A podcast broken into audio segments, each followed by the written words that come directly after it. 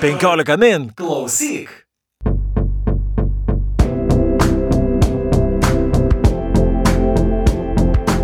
Labadiena, 15 min skaitytojai ir klausytojai ir su jumis sveikinasi laida Perskaitimai, kurios vedėjai, kaip visuomet, esame mes, aš Audris Ožalas. Ir aš Juratė Čerškutė. Na, jau senokai buvome susitikę, bet na, vasara buvo, daug be abejo skaitėme, tačiau to, to, tokie jau laikai, kad dabar grįžtame rudenį, man atrodo, su pilna jėga ir tikrai tikiuosi, kad bent jau susitiksime su jumis reguliariau.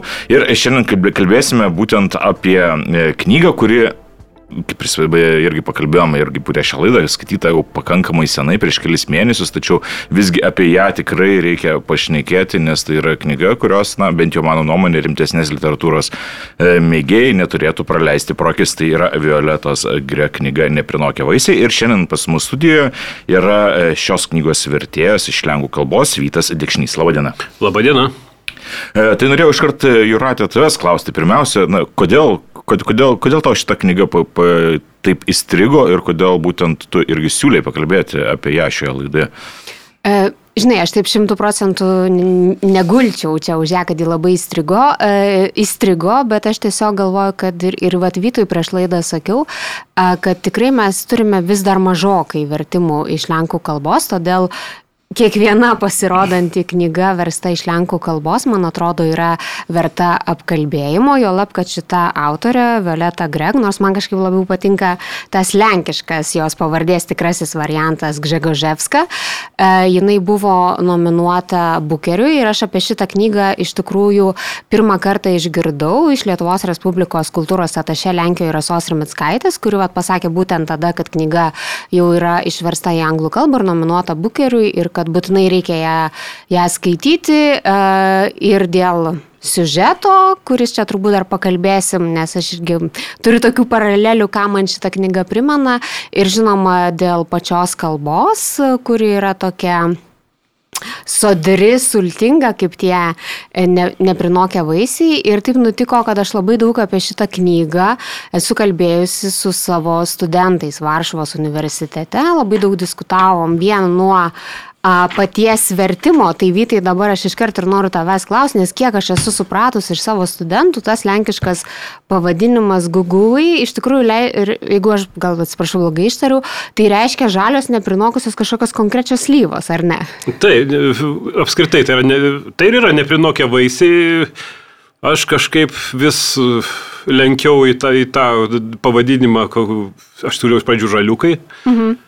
Paskui kažkaip Facebook'o redaktorių grupė užklauso, ar nėra kur nors tarmėse kokio nors žaliem vaisiam pavadinimo, žodžiu, e, kuris būtų gal ne, ne, nebūtinai iš karto perskaitomas bendrinė kalba, nes lenkiškas pavadinimas Google, aš manau, kad šiaip Lenkui tarkim, Varšuvos, Krokovos, Gdansko ar bet kur, kas, kas nežino ten to Čenstohovos apylinkės tarmės, tai man atrodo, tas Google irgi yra lygiai taip pat nieko nesakantis. Ir originaliai yra netgi išneša, kuri paaiškina tą žodį. Mhm. Tai aš galų gale siūliau žaliukšniai. Bet mhm. kažkaip... O, šiaip labai toks geras pavadinimas. Bet kažkaip ginčiome su leidėjais ir kažkaip liko tie neprinokę vaisiai. Bet tekste aš palikau žaliukšnius, tai, nes tai ten, kur ne pavadinimas, man atrodo, gal ir skyrius vadinasi žaliukšniai. Žodžiu, tai su tuo padivedimu taip. Apskritai ten yra originale buvo šiek tiek tos tarmės, bet, bet originale buvo ir išnešos. Tarmiai paaiškinti. Tarmiai ne? paaiškinti. Nedaug tų išnašų, bet, bet kažkiek tų tarmybių buvo. Šiaip ten, ten tokio, tokios specifikos, pavyzdžiui, aš verčiau akmeninės kamionki, tai mhm. ten tiesiog, tiesiog kažkokie kalkių, kalkakmenio masyvai, iš kurių tie patys žmonės ten kažką pasikasa, tiesiog tokios. Mhm. Kai mes, kai mes neturim tokių aukštumų su kažkokiais kalkakmenio masyvais, tai mums apskritai vis, tai yra kažkokia kita realybė. Ir tų žodžių nelabai yra. Na, bet kaž, kažkaip taip su, šiek, kai ką su išnašom aiškinamės, kai, ką, kai, kai kas gal raiškiau, žodžiu, kažkaip tą pavyksta perteikti. Vytai, kaip tu radai šitą knygą, nes žinau, kad tu pasiūlyi leidiklą, ne? Ne, ja, leidikla pasiūlė. Mhm. Jis, man atrodo, jeigu aš neklystu, ar ne Europos literatūros Taip, premija. čia yra serija ir čia yra aukso žuvų serija keliauti. Tai man atrodo, kad ta, ta, ta Europos literatūros premija labai tiesiog daug, labai, labai padeda knygai rasti mhm. leidėją, nes tiesiog ten Ir beje, beje šiaip neprinokė vaisiai, vadinasi šitą knygą, tačiau šioje knygoje yra dvi apysakos, tai irgi norėjau ir klausti, nes turbūt ir skaitytojams kyla klausimų, nes neprinokė vaisiai ir nuomojami kambariai. E, čia jos e, originaliai kaip pasirodė, ar, ar kaip atskiri kūriniai, ar tai buvo tiesiog vienas kūrinys. Vienas. Tai atskiros knygos šiaip jau. Bet kadangi tai yra tokie tarsi autobiografiniai kūriniai vienas kitą tęsintis, tai jie labai gražiai sulimpa į vieną knygą. Apskritai tai, man atrodo, yra, taip, oficialiai tai yra apsakymai, bet jie labai ryšasi vienas su kitu, tai yra, tai yra tam tikras autobiografinis pasakojimas ir man, man aš tai matau kaip, kaip apysakas. E, šiaip to autobiografiškumą visą laiką pabrėžiama, kad tai yra autobiografiški pasakojimai. E, kiek iš tikrųjų yra to autobiografiškumo, aš nežinau, kiek, kiek teko domėtis tuo, nes e, šiaip, šiaip iš tikrųjų skamba, šitie pasakojimai atrodo labai meniški ir, ir, ir tiesiog, na, nežinau, atrodo, atrodo netgi sunkiai įtikinama, kad tai galėtų būti labai smarkiai paremta autobiografiškais motyvais. Manau, kad, aišku, ten fantazijos labai daug, bet Bet yra, yra labai aiškus alter ego. Ir aš manau, kad ten vis dėlto tos autobiografijos kažkur, tam tikras stuburas, tarkim, tos autobiografijos yra. Man atrodo, kad netgi pasiskaičius, kad man atrodo ir studijavo ta autorė panašiai, to, to, ten to Čenstochovoje, to, to aukštojo mokykloje, kuri dabar universitetas, pedagoginė berots aukštoji mokykla. Ir, ir žodžiu, ir Matyti yra, yra tas stuburas autobiografijos, bet ant jos jau kabinama kažkokios prisiminimų nuotrupos, kurios išaugintos į epizodus su, jau, jau sufantazuotus, žodžiu, nu, tie žanrai, jie tokie susipinę. Taip, ir aš dabar turiu netgi pačios autorės atsakymą, čia visiškai aš netikėtai gavau, nes kai leidikla aukso žuvis jau ketino uh, atiduoti į spaustuvę, kaip mes sakom šitą knygą, ar ne, dar truputį mes diskutavome, paklausė mano nuomonės irgi dėl žanro, nes kaip čia yra, ar, ar du romanai, ar du apsakymai, ar vad kaip Vyta sako, apysakos ir viena pažįstama paklausė pačios autorės tiesiai šviesiai, labai greitai sureagavo ir parašė, cituoju, kad neprinokė vaisiai, tai chronologiškai sudėtas parabiografinių apsakymų besiriamenčių mano biografiją ciklas, bet tai nėra griežtai biografinis mhm. ciklas, citatos pabaiga, tai žodžiu tikrai, e, tikrai yra ir e, iš tikrųjų, turbūt jeigu taip reiktų apibūdinti čia klausytojam, mes jau taip šnekam apie šitos neprinokusius vaisius, tai yra vienos mergaitės augimo istorija, ar ne? Ar taip. galim tai sakyti? Aišku, iki Bildungs romano turbūt netraukia. Bet taip, tai yra augimo, brandimo istorija, žmonių santykiai tam 90-inių Lenkijos provincijoje. Seksualumo irgi tokio, to pau, vaikiško, paaugliško žodžiu, tokia tų laikų gyvenimo medžiaga. Bet, bet, bet kaip sakau, labai, labai, labai tokia sutirštinta dar, dar fantazijos motyvais. O antroje, daly, antroje knygoje ar antroje dalyje jau yra, jau yra, jau, jau yra jaunystė, studentiški metai, jau, jau tai tais pačiais vėlyvais 90-iniais, tarkim. Ten, man atrodo, labai aiškiai įkabinta į laikotarpį 95-96. Žodžiu, tarsi tas pats personažas, tas pats alter ego. Jau šiek tiek kitos problemos, vėlgi seksualumas jau ne, jau ne paauglės, jau, jau jauno žmogaus. Socialiniai irgi visą laiką, visą laiką tam tikras bažnyčios motyvas, kaip jau Lenkijoje įprasta, nes kaime tai, tai, tai tas liaudės religingumas, pas, -hmm antroji knygoje ta, ta personažas pakliūva į, į vienuolių kongregaciją irgi su labai specifiniais santykiais. Negaliu sakyti, kad tai būtų koks nors ten antiklerikalizmas, ten, ten viskas daug subtiliau. Mhm. Bet sakysim, toks skausmingas santykis su, su religija, su tikėjimu yra.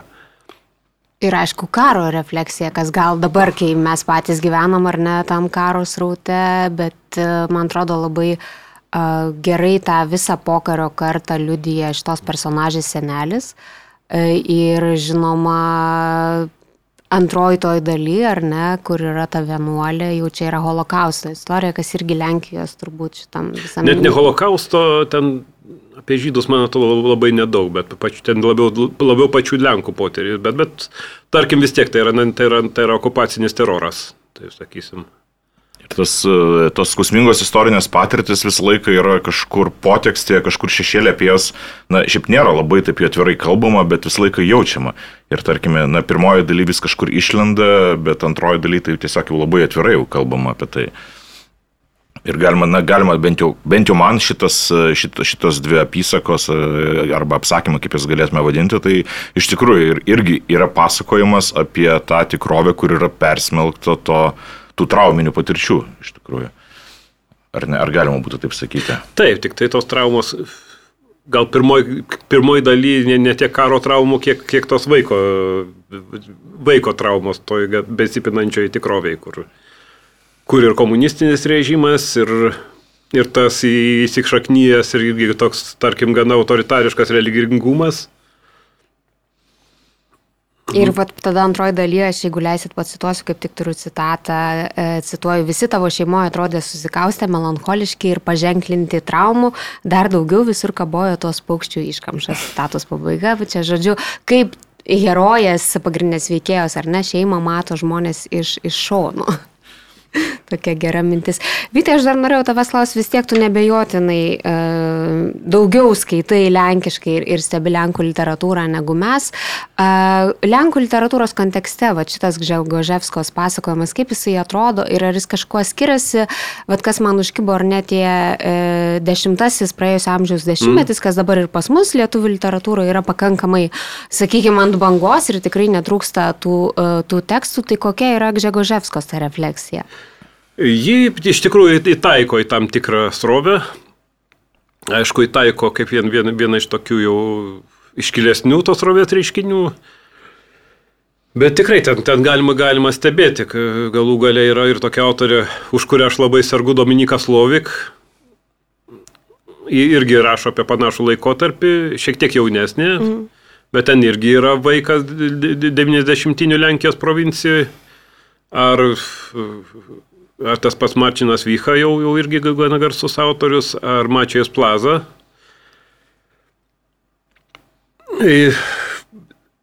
Šiaip, šiaip daug yra tų bendrų bruožų, nes daugelis jų, bent jau kiek kalbam apie šitos mano minėtus autorius, tai jie, jų visų yra gana tokia sodri, sodri lenkų kalba, iš kurios tikrai matosi, kad ta proza nemirusi ir netgi tam tikrą prasme galima sakyti, kad ir tradicinė Lenkų proza nemirusi, nes, nes, nes tas, tas perimamumas labai, labai jaučiasi. Ir ta, ta, ta būtent 90-inio refleksija, Lenkų provincijos refleksija, būties, būties detalės, vaikystės detalės. Yra tų bendrybių, žodžiu. Ir beje, dažnai kalbant apie šią knygą yra kitas palyginimas, aš nežinau, ar čia sutiksite, kad dažnai lyginama su Šulco cinamonėmi krautuvėm, bet, pavyzdžiui, man skaitant knygą kažkaip, aš nežinau, kokiais pasąmoniniais e, ryšiais šitą knygą labai kažkaip priminė ir Ota Pavilą puikiai irgi knygą puikiu įstirinų mirtis, kaip aš sutikau žuvis, kuri beje Lietuvoje nepelnytai buvo, na, netaip ne, ne jau ir smarkiai pastebėta. Aš galvoju, kažkas, kas ir koks tas bendras vardiklis, galbūt net ne Lenkijos, apskritai rytų rytų Europos, vidurio Europos e, prozą siejantis, kas, kas tai galėtų būti, kaip įsivaizduojate? E, kas šitas knygas sieja, tai aš net nežinau, ar tai yra vien, vien rytų Europos. Aš, aš tiesą sakant, netiek daug sekiau vakarų Europos literatūrą, bet tiesą sakant, man va, tas vaikys, vaikystės detalių refleksija, man atrodo, kad vis, visoje bent jau vakarų pasaulio literatūroje yra, yra, yra, man atrodo, nuo Günterio Graso galų gale ar per Amosą Ozą. Tam tikras, man atrodo, vienas iš, iš, iš pamatinių rašymo būdų. Eiti per, per vaikystę, per detalės, per per vaikystę istorijoje, per vaikystę būtyje ir, ir, ir kalbėti kažkokius tada pamatinius dalykus apie pasaulį. Tai čia, man atrodo, galima, galima, galima labai plėsti ne tik iki Otos Pavelo. Gal kažkokios yra rytų europiečių tiesiog intonacijos, bet tarkim, nežinau, po Otos Pavelo visada yra tam tikras giluminis humoras. Man atrodo, Gžegoževskos, Violetos Greg, gal ten to humoro nelabai yra. Ten, ten vis dėlto viskas rimtų, gana rimtų veidų pasakojimų. Yra gal ironijos. Makabriškų detalių yra. Makabriškų yra. Ten tos šiltos ironijos, tarkim, tai, tarkim maž, mažai. Ten kokia nors ta pati Slovik jau yra arčiau rytų, rytų, rytos rytų europietiškos, tarkim, ar čekiškos tradicijos. O Violeta Grek ten, sakyčiau, tokio daugiau, daugiau atviros skaudulio. Ir, ir beje, kalbant apie, irgi apie šitą rašytoją, irgi Juratė klausė apie tai, kas sieja Lenkų rašytojus, bet e, aš kiek suprantu, jinai dabar gyvena Junktinėje karalystėje, ar ne? Taip, jinai nuo 2006, bet jeigu dar grįžtume mes truputį prie to, va, tau priminė vieną mm. dalyką, man tai priminė, tas, ta asociacija yra labai tokia, sakykime, punktyriška, nes šito e, grek apsakymų veiksmas vyksta hektaruose ir man aišku iš karto primena Olgos Tokarčiuk praamžius. E, tai reiškia, va, ar ne, kad jeigu praamžiuose yra tas miestelis toks kaip pasaulio centras, tai čia šitos veikėjos mažos mergaitės akimis akivaizdu, kad jai tik tai hektarai yra pasaulio centras, ji tiesiog nėra fiziškai iškeliavus kaž, kažkur toliau ir, ir gal kažkoks yra panašumas su Tokarčiuk, nežinau, Vytai gal ir nesutiksi, kalbinė prasme, tik tai grek vis taip sodriau kažkaip rašo, pas ją, man atrodo, tokių, nu, nežinau, nerinių ar ne nerinių, bet jin taip atrodo kaifuoja toj kalboje ir maudosi jo. Sruo netgi tokie, atrodo, taip, taip. kad tie, tie, tie žodžiai. Ten galbūt kalba yra net svarbesnis dalykas negu siužetas. Aš gal net sakyčiau, kalba yra vienas pagrindinių veikėjų iš tos mm. knygos. Tai aš, aš apie tai ir norėjau kalbėti, apie tai, kad gyveno Junktinė karalystė ir norėjau pratesti mintį dėl to, kad jinai pati, be abejo, jinai ir dar ir poetė yra. Ir tiesiog dabar savo, kad jinai mažiau rašo poezijos, nes jinai gyvendama užsienyje staiga pati prisipažino, kad praranda galbūt ryšį su lenkų kalba. Bet štai šitas, bent jau šitie du apsakymai, tai man atrodo, kad kaip tik yra na, tiesiog puikus įrodymas to ryšio su kalba, kur jį mėgaujasi tiesiog to, to pasakojimu ir, ir tiesiog poetiškas irgi labai pasakojimas, ar ne? Tai, kad man atrodo, kalbą mes labai, labai, labai didelę dalim gaunam iš vaikystės. Aš pats, kai pradėjau versti, aš, aš nusistebėjau, kiek, kiek, kiek žodžių staiga išlenda iš kažkokių vaikystės knygų. Mm. Tai man atrodo, kad tai yra tiesiog kažkoks e, turimas pagrindas dar iki, iki kokių nors profesinių veiklų. Tai ką kažkas kažkokias pasakas sekė, kažkokie seneliai, seneliai kalbėjo savo tarmę ir panašiai. Tai čia su tuo tą galima kažkiek primiršti, bet man atrodo, kad tas, tas, tas pagrindas paskui išlenda. Tai vad kalba, e, jau Vitui aš truputį ir užsiminiau prieš mūsų pokalbį. Aš turėjau labai įdomią diskusiją su savo studentais apie šitą knygą ir man buvo labai įdomu. Ir jiems, tiksliau jiems buvo pats svarbiausias klausimas, kaip yra išversti tam tikri dalykai, nes jiems atrodo, kad Ne Lenkams, tai pavyzdžiui, šitų ir šitų vietų išversti yra visiškai neįmanoma ir mes jau pasidarėm tokį konkretybių seminarą, e, kuriam, žodžiu, poskiri, kuris sakinys ir aš pacitavau Vyto vertimą ir tada studentai sakė, wow, tai yra visiškai tiksliai. Ir, ir Vytai, papasakok truputį, užsiminiai kokiu nuotikiu buvo verčiant? Juk teko tau ir prisiminti kažkokius žodžius ir tar tarmybių paieškoti, nes vis tiek, aš kaip suprantu, Žegoževskos tekstas yra tas, ar ne, išsiskiria to savo regionališkumu, ar ne, tom tarmybėm, tai ir lietuviškai turbūt paieškoji šio bei. Tarmybių gal, gal netiek, nes kad Turbūt, kad originale tų tarmybių liko daugiau negu, negu man. Ten, ten, ten tikrai yra, ten senelio monologai eina tiesiog tarme. Aš vis dėlto šito dalyko nesistengiu labai perteikinėti, nes tada reikia daryti viską labai nuosekliai.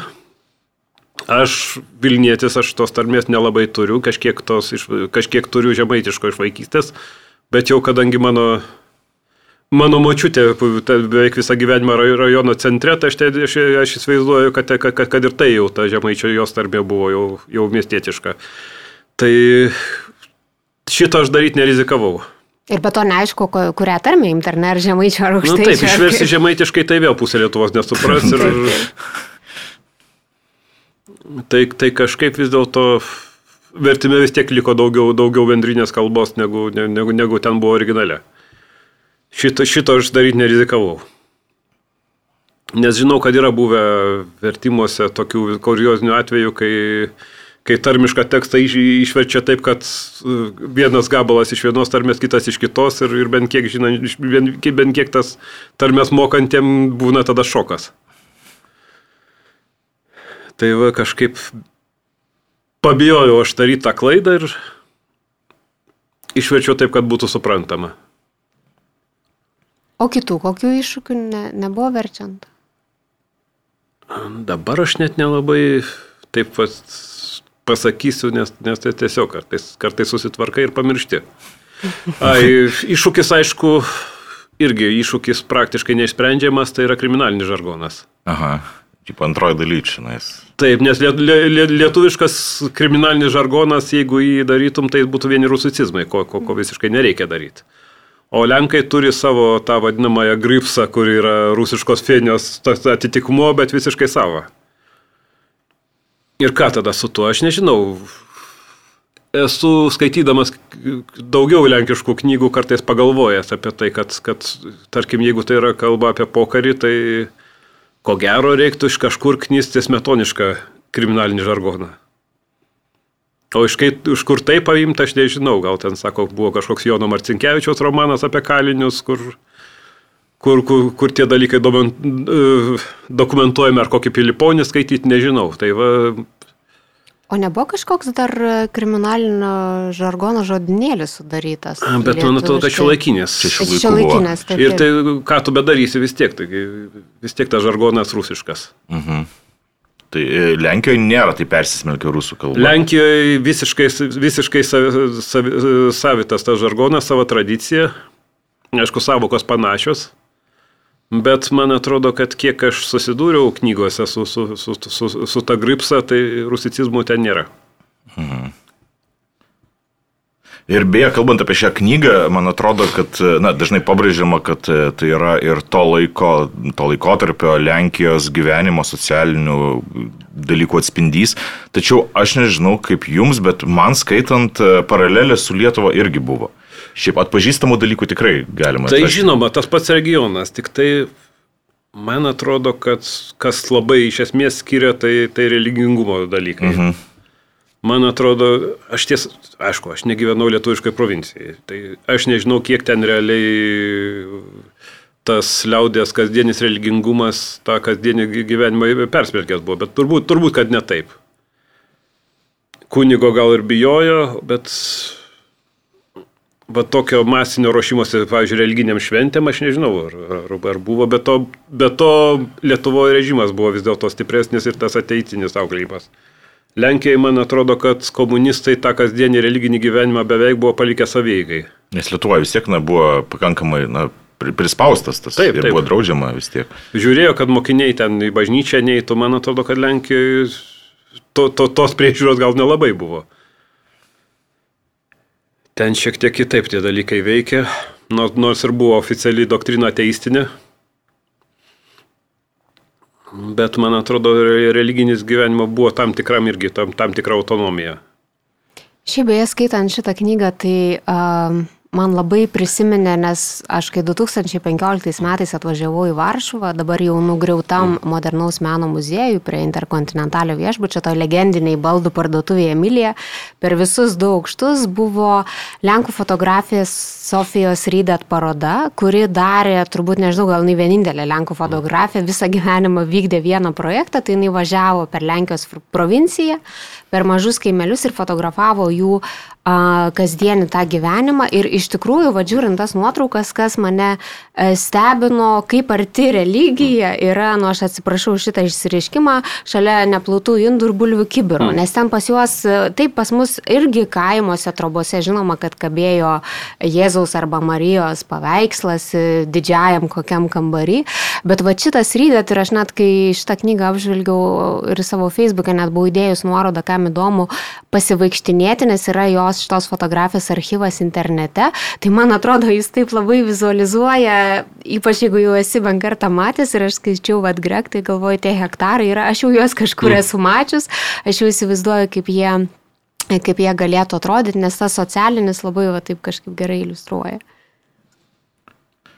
Na ir, ir šiaip e, kalbant vėlgi apie, apie tą patį to, to laikotarpio, na, religingumas be abejo e, galbūt e, ir nebuvo toks Lietuvoje, bet tarkime, na, nežinau, metalo laužo rinkimas. Na, Taip. turbūt, na, prisimena, tur, daugelis turbūt, kad vienu metu buvo pamišimas ten kolekcionavimą įvairiausių dalykų.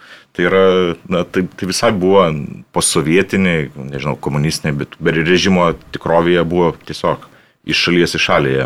Taip, tai bendri dalykai, galų galę režimo realijos. Tai yra ir tie patys piešinių konkursai, ideologinė tema. Tie kolekcionavimai tai irgi, tai, tai buvo tarsi toks tolimas vakarietiško vartojimo aidas. Mhm. Man atrodo, keliose knygose yra jau, jau, jau, jau, jau esu aptikęs motyvas, vos ne autorėlis iš, iš, alo, iš užsienietiško alaus skardinių. O, tai kas nerinko alaus skardinių, čia kiekvienas po kolekciją turėjo, man atrodo, tuo metu. Tai čia netgi, man atrodo, provincijoje netgi suaugę vyrai jau taip sus, sus, sus, sus, turėdavo susistatę tokį mažą vartojimo autorėlį. Mhm. E, ir šiaip e, dar vienas dalykas, e, kuris irgi šioje knygoje labai įstringa ir tarkime, iškamšų darimas. Nes neskaičiusiems galiu pasakyti, kad tos mergaitės tėvas jis daro iškamšas Ir, na, tai iš tikrųjų pakankamai makabriška ir man atrodo, kad čia yra, na, tiesiogiai, kaip, kaip ir Juratė sakė, kad siejasi, nes iš vienos pusės religingumas, iš, iš kitos pusės e, tiesiog kraujas, iškamšos ir visa kita namie. Ir galiu pacituoti netgi vieną iš šios knygos.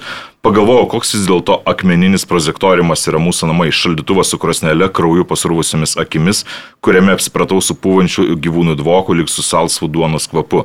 Virš durų kabojo medinis kryžius, bet tikroji religija buvo kas kita švenčiausios zoologijos knygose paukščių ir žuvų albumai ištepti alūnų ir išdžiūvusiamis butapreno dėmėmis, vatinės triukės, laukan išvirstų vatolinu, ištikimai laukiančios spintos dugne. Žodžiu, tai yra na, toks apjungimas to šventumo ir to viso kraujo ir, ir viso. Ir įdomu, ką, kokia versija, kaip, ką autorė norėjo irgi šitomis paralelėmis pertikti, įdomu, kokią metaforą. Man atrodo, kad tai yra, yra ta susikertančių motyvų. Ta, tai yra vaikystės trauma ir iš, iš tam tikrų autoritarinių papročių, iš to religingumo, iš kita vertus vėlgi režimo ideologija. Ir tie varžantis dalykai, jie susikerta. Ir, ir, tada, ir, ir iš to susikirtimo atsiranda ta makabriška realybė. Ten, tie patys mergaitės tėvai irgi su, su, su, su sužalotais gyvenimais. Jų, jų irgi traumos, kurios persidoda vaikams, žodžiu.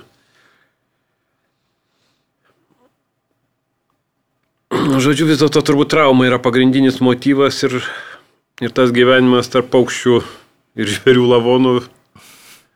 Tai kažkaip tai irgi yra vis, vis, viso to metafora. Antra knyga jau yra tarsi išsilaisvinimas iš to, iš to prozektoriumo, bet, bet, bet irgi tas jau miesto gyvenimas irgi jis tai kvepuoja tokiu šalčiu. Ir man atrodo, kad e, netgi jeigu... E, šiaip, šiaip iš tikrųjų, ko, ko, ko, rašant apie vaikystę, labai dažnai labai lengva nuslysti į sentimentalumą ir mhm. nostalgiją. O, pavyzdžiui, šitoje knygoje to nėra, bent jau mano įsivaizdavimu. Bent jau aš skaitant nepajutau. Na, galbūt yra, kiekvienas prisimena vaikystę, galbūt kažkiek šviesiau negu yra, bet, na, tiesiog yra pakankamai grubi ta mhm. realybė yra. Ir, bet e, kas yra pirmojoje dalyje, pirmajame apsakymė, na vis tiek tas va- vaizduotė, fantazija, tas visas lyg, lyg ir paslėpia tą pilką realybę, o štai antroji dalis, na tai yra tiesiog, na, kritimas veidų tą purvą ir ten tiesiog jau nepasislėps, nes iš tikrųjų yra skurdas, yra pilkuma, smurtas ir tai, tai yra, bent jau man atrodo, dalis buvo žymiai tokia nikesnė negu pirmoji. Aš dabar taip pagalvojau, kad iš esmės irgi yra, yra, yra tas motyvas beveik vedantis, kad man atrodo per abi knygas pagrindiniai herojai yra šalta. Aha. Nes iš tos trobos jinai, jinai pakliūva į nekūrenamą tą darbininkų viešbutį. Ir tas šaltis, man atrodo, kad, kad jisai per, eina tiesiog per visur, per, per visas dalis. Ir ji truputį amortizuoja tas sapnavimo sluoksnis, Taip. ne? Arba bent jau bando. Yra ten tiesa ir vasaros, bet, bet, bet, bet, bet kažkaip, kai dabar, kai pagalvoju, tikrai tas šaltis yra, yra leitmotyvas. Šaltis ir tos tokios epochos, vienos pabaigos, kitos pradžios. Na ir tos kitos pradžia irgi iš esmės na, nieko džiugaus kaip ir netneša, nes na, ta mergina jauna išvyksta studijuoti irgi čia neskaičiusiams, bet na, tos studijos kaip ir nėra tų studijų iš esmės, nes na, tos ten kelis kartus naina, bet e, iš esmės yra išgyvenimo mokykla, kaip susirasti pastogę, kaip po to bandyti dirbti ir, ir, ir na, tiesiog tas tas gyvenimas tame mieste, išsiveržimas iš kaimo, jisai, na, atrodo labai slogus iš tikrųjų, atrodo, kad, na, tiesiog nėra pabėgimo, nėra kažkokio geresnio rytojaus, kaip galima būtų sakyti. Pabaigoje kažkokia išeitis ten atsiranda. Na, Tai ne, ne, ne, negali sakyti, kad tai būtų visiškai toks be, be, be, be- išeities, bet... Bet ep- epochos šaltis yra ir vėlgi labai būdinga pati ta epocha istorinis kontekstas, jis tai, pra- jis tai prabėga te, kažkokiais tele, televizijos kadrais. Tų laikų įvykiai, yra ta scena, kaip jis glaudžiasi stotyje, ten eina televizorius. Ir per televizorių transliuoja kažkokius tų laikų dalykus, kažkokia tų laikų reklama.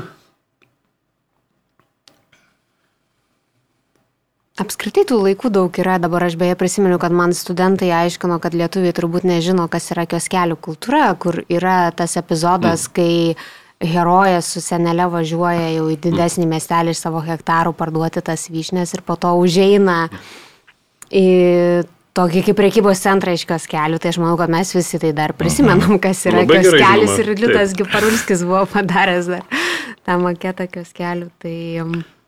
E, Na ir beje, mes dar kalbėjome kažkiek, nu, pačioje pradžioje apie seksualumą ir atradimą savo seksualumą, bet, na, tos seksualumo atradimas vėlgi jisai su trauminės patirtimis irgi yra susijęs. Na, prikabiavimas ir tos pirmosios patirtis irgi jos tokios. Jis visas trauminis, man atrodo. Nes, nes ir pačioje pabaigoje, kaip irgi, vat, e, kalbam apie tai, kad galbūt išeitis atsiranda, na, bet tai irgi yra susiję vis tiek su tam tikrų iliuzijų žlugimu, nes ne, nėra taip, kad, na, tarkime, viskas staiga pasirodo gerai, vis, viskas vis tiek yra ne taip, kaip įsivaizdavo. Taip. Ir vėlgi pradžia, tai ten paaugliai kažkur šaltyje, ten, ten tas pirmasis savo seksualinės patirtis įgyja. Pabaigoje vėl tas iliuzijų žlugimas, žodžiu, taip, jis eina per traumą. Ta, ta, ta visa seksualinė patirtis, ji visa yra trauminė. Ar būtų labai drąsu sakyti, kad jin tam tikrą prasme atspindi visą kartą gimusią tuo aštuntuoju dešimtmečiu? Ypač tų, kurie, pažiūrėjau, augo provincijoje. Ko gero yra kažkokiu labai daug bendrų. Kažkas yra, visada labai, labai atsargiai reikia pasakyti kartas kal- kalbėti, nes vis tiek yra individai ir, ten, ir to, tos patirtis būna visokios. Bet, bet taip, man atrodo, tendencija kartos tai yra. Ir galiausiai net ir mes savo kažkaip taip skaitant, vis tiek eina tos paralelės su lietuviškomis patirtimis. Tik tai aišku, pas mus tas režimas buvo, ką ir sakėm, gerokai stipresnis. Ir, bet, na, vis tiek dar reikia, aišku, kalbėti ir apie tai, kad mes kalbame čia ne, ne apie visos Lenkijos, čia yra vis tiek daugiau provincijos. Mm. Ir mažesnių miestelių gyvenimo realybė. Na, galbūt jeigu kalbėtume apie Varšuvą, turbūt būtų gimęs visai kitoks romanas, visai Taip. kitoks pasakojimas.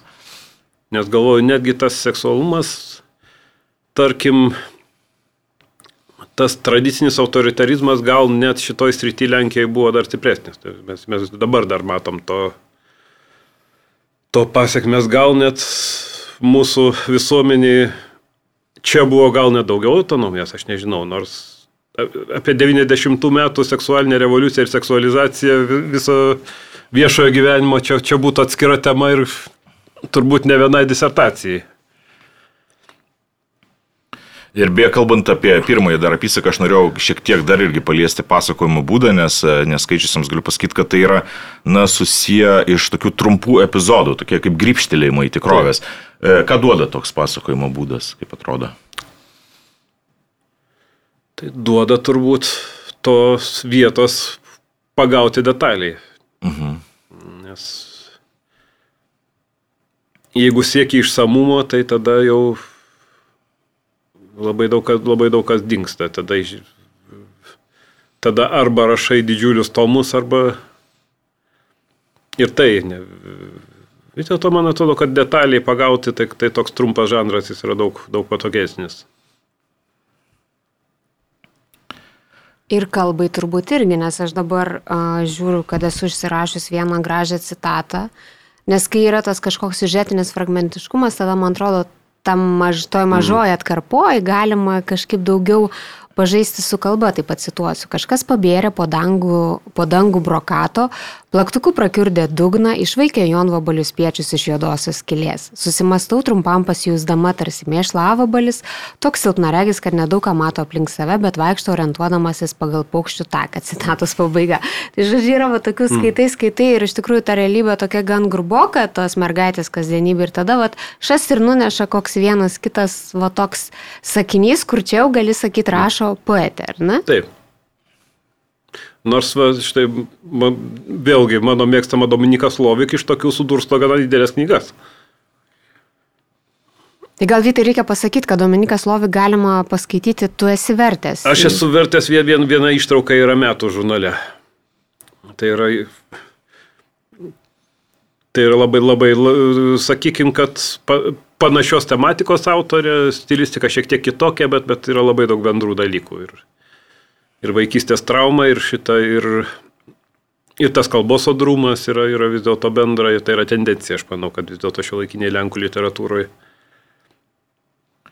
Aš dar norėjau šiek tiek grįžti prie religijos ir tikėjimo temos, nes, na, jau pakalbėjome, kad tai yra viena iš tokių svarbių labai temų, bet e, religingumas e, tame kaime, kuo jis yra kitoks, tarkime, jeigu kalbant apie lyginant su Lietuva, nes bent jau man skaitant pasirodė, kad na, ta krikščionybė yra labai susijusi kartu ir su prietarais, Taip. ir su šiuolaikinio gyvenimo tam tikrais inkliuzais, kurie na, sunku netgi patikėti, nes tarkime, toks įsimintinas epizodas buvo lošimas dėl pašventintos statulėlės. Mhm Tai vis, atrodo irgi makabriškai ir tiesiog visas tas e, religingumas, tikėjimas apima na, viską, ar ne? Man atrodo, kad lietuviškom realijom tuo metu turbūt kunigam niekad nebūtų leidę daryti tokių lošimų ir, ir dar, darbas su jaunimu buvo vis dėlto labai griežtai uždraustas Lenkijoje, tie dalykai, tie dalykai vyko, vis dėlto ta religinė socializacija buvo akivaizdesnė. Bet man, man, man būtų įdomus fenomenas, tarkim, tokia, to, tokia viduklė Svarinsko kunigavimo laikais. Ten, ten sako, buvo, buvo labai, labai vietiniai veikėjai išsigandę, kad, kad staiga atsiranda socialinio gyvenimo traukos centras. Aha. Bet man atrodo, Lietuvoje tai buvo tokios salelės.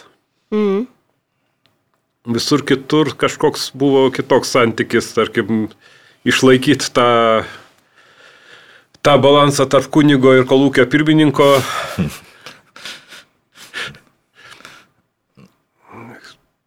Lenkijoje aš taip nenustepčiau, jeigu ten koks nors ir tarybinis vaitas galėjo į bažnyčią eiti švent, šventiniam dienom. Lietuvoje to vis dėlto griežtai nebuvo. Na ir pavyzdžiui, mokytojai buvo užkirstas kelias visiškai. Mhm. Na ir, pavyzdžiui, popiežiaus atvykimas, ar ne, kuris Taip. atvyksta irgi, na, toks didžiulis įvykis. Kuris irgi atrodo, na dabar skaitant, atrodo, nu, prasme, valdžia leidžia ir vis, viskas vyksta. Taip, nu, nors čia pats vyksta kažkokie veiksmai, kad prikeulintų. To, to pat tas, tas girlendas kažkas tylom nuplėšia, numeta į griovį. O galiausiai popiežius iš vis net. Taip, taip. Pra, pravažiuoja pro šalį, praskrenda. Taip. bet ka kažkokie to režimo veiksmai matosi, bet jie, jie tokie beveik apgailėtini. E, Aš nežinau, šiaip e, kalbant apie šią knygą, turbūt dar reikėtų na, paminėti, kad e, na, šios, šios, knygos, aišku, kalba yra labai įspūdinga, tačiau man atrodo, kad e, šią knygą reikėtų turbūt skaityti ir tiems žmonėms, na, mes randame atpažįstamumo, tie, tie, tie, žmonės, kurie gyveno tais laikais, tačiau man atrodo, reikėtų skaityti ir tiems, kuris norėtų, na, suprasti dabartį ir suprasti, kaip, na, kaip formavosi. Iš tikrųjų, va, kaip formavosi dabartis ir, ir, ir kodėl žmonės tapo tokie ir ką, ką, ką jie atsineša iš praeities. Nes, na, tikrai kalba, kalba iš tikrųjų šitą knygą ne tik apie Lenkiją, kalba apie visą mūsų regioną ir apie visą, na, posovietinę erdvę turbūt. Gal ir tikrai kažkam padės savo, savo tėvus ir senelius suprasti kažkiek. Iš kur atsiranda tam tikri dalykai, kurie gal ir, ne, ne, gal ir nemalonus, gal ir trikdantis, kad ir šeimos gyvenimą. Nes tos, tikrai tos, tos traumos čia yra pagautos, jų istorinis kontekstas. Ir jos labai gražiai yra išrištos e, tam antoje antroje apysakoje, nes jeigu pirmoji, kadangi mergaitė maža, tai aišku, ir jos tas matymo laukas toks nelabai didelis, tai ten tokie punktyrai, kur jau tu iš to, kaip jinai pasako apie senelio E, elgesi, kaip jis ten bėga nuo to vaidinimo ar ne ir pasislepia. E, gali kažką nutuokti, bet va antroji daly ir šiaip aš sakyčiau toks finalas įdomus yra. Vienu metu man jau atrodė, kad ten bus e, Santas Barbaros, nu pagal tų laikų ten tuos visus meksikoniškus serialus bus saldi pabaiga, bet ačiū Dievui taip, taip nenutiko. Ir tas va tada išrišimas, kai pagaliau išlenda mamos ir močiutės figūros ir taip labai taupiai, bet apie jas papasakojama, tarsi sudedant visus taškus ant į, tai kažkas susiveda. Man čia beje labai įdomi, nes aš šitą knygą skaičiau iš karto po Gospodinovo liūdėsio fizikos ir atrodo, kad kažkokiam bendram tokiam laukėsi, aišku, Gospodinovas, ta Bulgarija yra kitaip, bet vis tiek tavo atvidurio Europa ir tas komunizmas išgyventas kažkokie, nežinau, man atrodo, kad tos knygos kažkaip taip pradėjo persidengti. Dabar, kai, va, kiek praėjo jau gal pusantro mėnesio ar du, net kažkaip atrodo viskas jau nutolė, bet tuo metu, bet čia yra tas, ar ne, kai skaitai ir tada viskas aplinkui krenta į tą pačią dėlionę, tai, tai taip, ta trauma yra išryškinta ir viena vertus knyga labai ir lenkiška, mm. bet yra, man atrodo, ir lietuviams atpažįstamų dalykų. Ir tos pabaigos jos yra išsilaisvinimai. Tai nėra, tarkim, happy endai, bet tai yra išsilaisvinimai ir, ir, ir jos tokios atviros į ateitį. Kas toje ateityje bus nežinia, nes matom po pirmo dalies išsilaisvinimo ateina antra dalis, tai gal net dar niuresnė. Bet antra dalis vėl baigėsi tokiu atviru finalu. O įdomu, gal bus tesinys, gal Taip, beje, beje, kažką... na, būtų įdomu šiaip pasakyti. Esame. Kas toliau? Apie, apie 2000-osius, 30 mečių realijos galbūt. Beje, Juratė minėjai, kad tau susijęsi su Gospodinovu, o aš paskui, jau perskaičiu šitą knygą, man susijęsi dar su kita knyga, kuri irgi dabar pastaruoju metu dažnai aptarima, tai Kmitos knyga apie Sigitą Gedą. Uh, Ir, e, nes irgi kalba irgi apie tas pačias trauminės patirtis ir paskui perskaičiau Kmitos knygą ir e, iš naujo perskaičiau ir Gailienės knygą, ką jie mums padarė. Ir aš galvoju, štai, štai kaip knygos viena po kitos papildo, tęsiasi ir, ir kalba apie tas trauminės patirtis. Ir na, man atrodo, kad ypač dabar yra svarbu skaityti apie, apie tai ir bandant suprasti iš tikrųjų, kas vyksta. Ir dabar vat, man mūsų šitam traumos kontekste kažkaip naujai ir suskambėjo tas pavadinimas neprinokė vaisiai, kad tam tikrą prasme Uh, ir herojas tėvų karta buvo tarsi tokia neprinokusi, neišsiskleidusi iki galo dėl tų visų. Mano tavo tėvas ir sako, mes kaip tie žaliukšniai. Taip, taip, taip. Žaliukšniai būtų geras taip. buvęs lietuviškas pavadinimas. Na ir šiaip, aišku, šią knygą mes pakalbėjome apie temas, apie pasakojimo būdą, bet man atrodo, ši, apskritai šią knygą vertėtų skaityti dar ir dėl to, nuo ko įratė ir pradėjo, dėl to, kad, na, Lenkijos literatūros leidžiama pas mus tikrai labai nedaug ir, na, ta pažintis su Lenkijos literatūra, na, tikrai kiekviena knyga yra iš tikrųjų labai smagus dalykas pas mus. Dėl to dabar aš iškart noriu Vyto klausti, kaip tu įsivaizduotum, ko dar mums trūksta, ką norėtum išversti ar pasiūlyti iš dabartinio. Aš tai visada esu už Marsin Vicha daiktai a, kuriuos aš išmečiau, jeigu gerai lietuviškai Taip, išverčiau. Dabar jo naujas romanas išėjęs. Ir naujas, bet sako, dar neskaičiau. sako, irgi labai neblogas. Ir beje, dėl Vicha, kodėl aš sakau, kad reikia lietuviško, yra angliškas, jį galima skaityti angliškai, bet anglų kalba neturi tos lenkiškos ir lietuviškos sintaksės, jos aišku skirtingos, bet tas sodrumo lygis, aš tiesiog skaičiau lenkiškai ir man atrodo, kad e, labai, nu, gal pusė teksto likę kažkur tiesiog ne, ne, neišversta. Aš dabar, aišku, viskos tiek neįmanoma, bet tai tų pavardžių dabar naujojų, ta, ta pati Dominika Slovik vėl pakartosiu, tas pats e, Pavelas Soltisas ar, ar Mačijas Plaza. Man atrodo, kad jie, jie visi kalba apie labai svarbius dalykus. Ir jie kalba apie, apie, apie tos, daugmaž tos pačios kartos augimą. Kalba apie 90-inius, kalba apie jau, jau gal ir vėlesnės realijas, apie provinciją, apie Varšuvą, apie, apie miestus. Poznanė, man atrodo, kažkiek kabina nu, netiek svarbu kur, bet tas, srov- to, to, to, to, tos srovės tai tikrai yra ką. Ir apskritai tai yra vis dėlto didelė plačios apimties kul- kultūra ir, ir, ir daug ką ten reikėtų sekti. Tas pats visiškai iš kitos operos, nors gal ne, ne, ne visai, net ne visai iš kitos, tai yra reportažas Lenkų.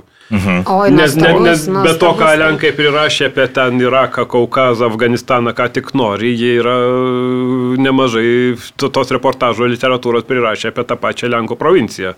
Ir apie transformaciją.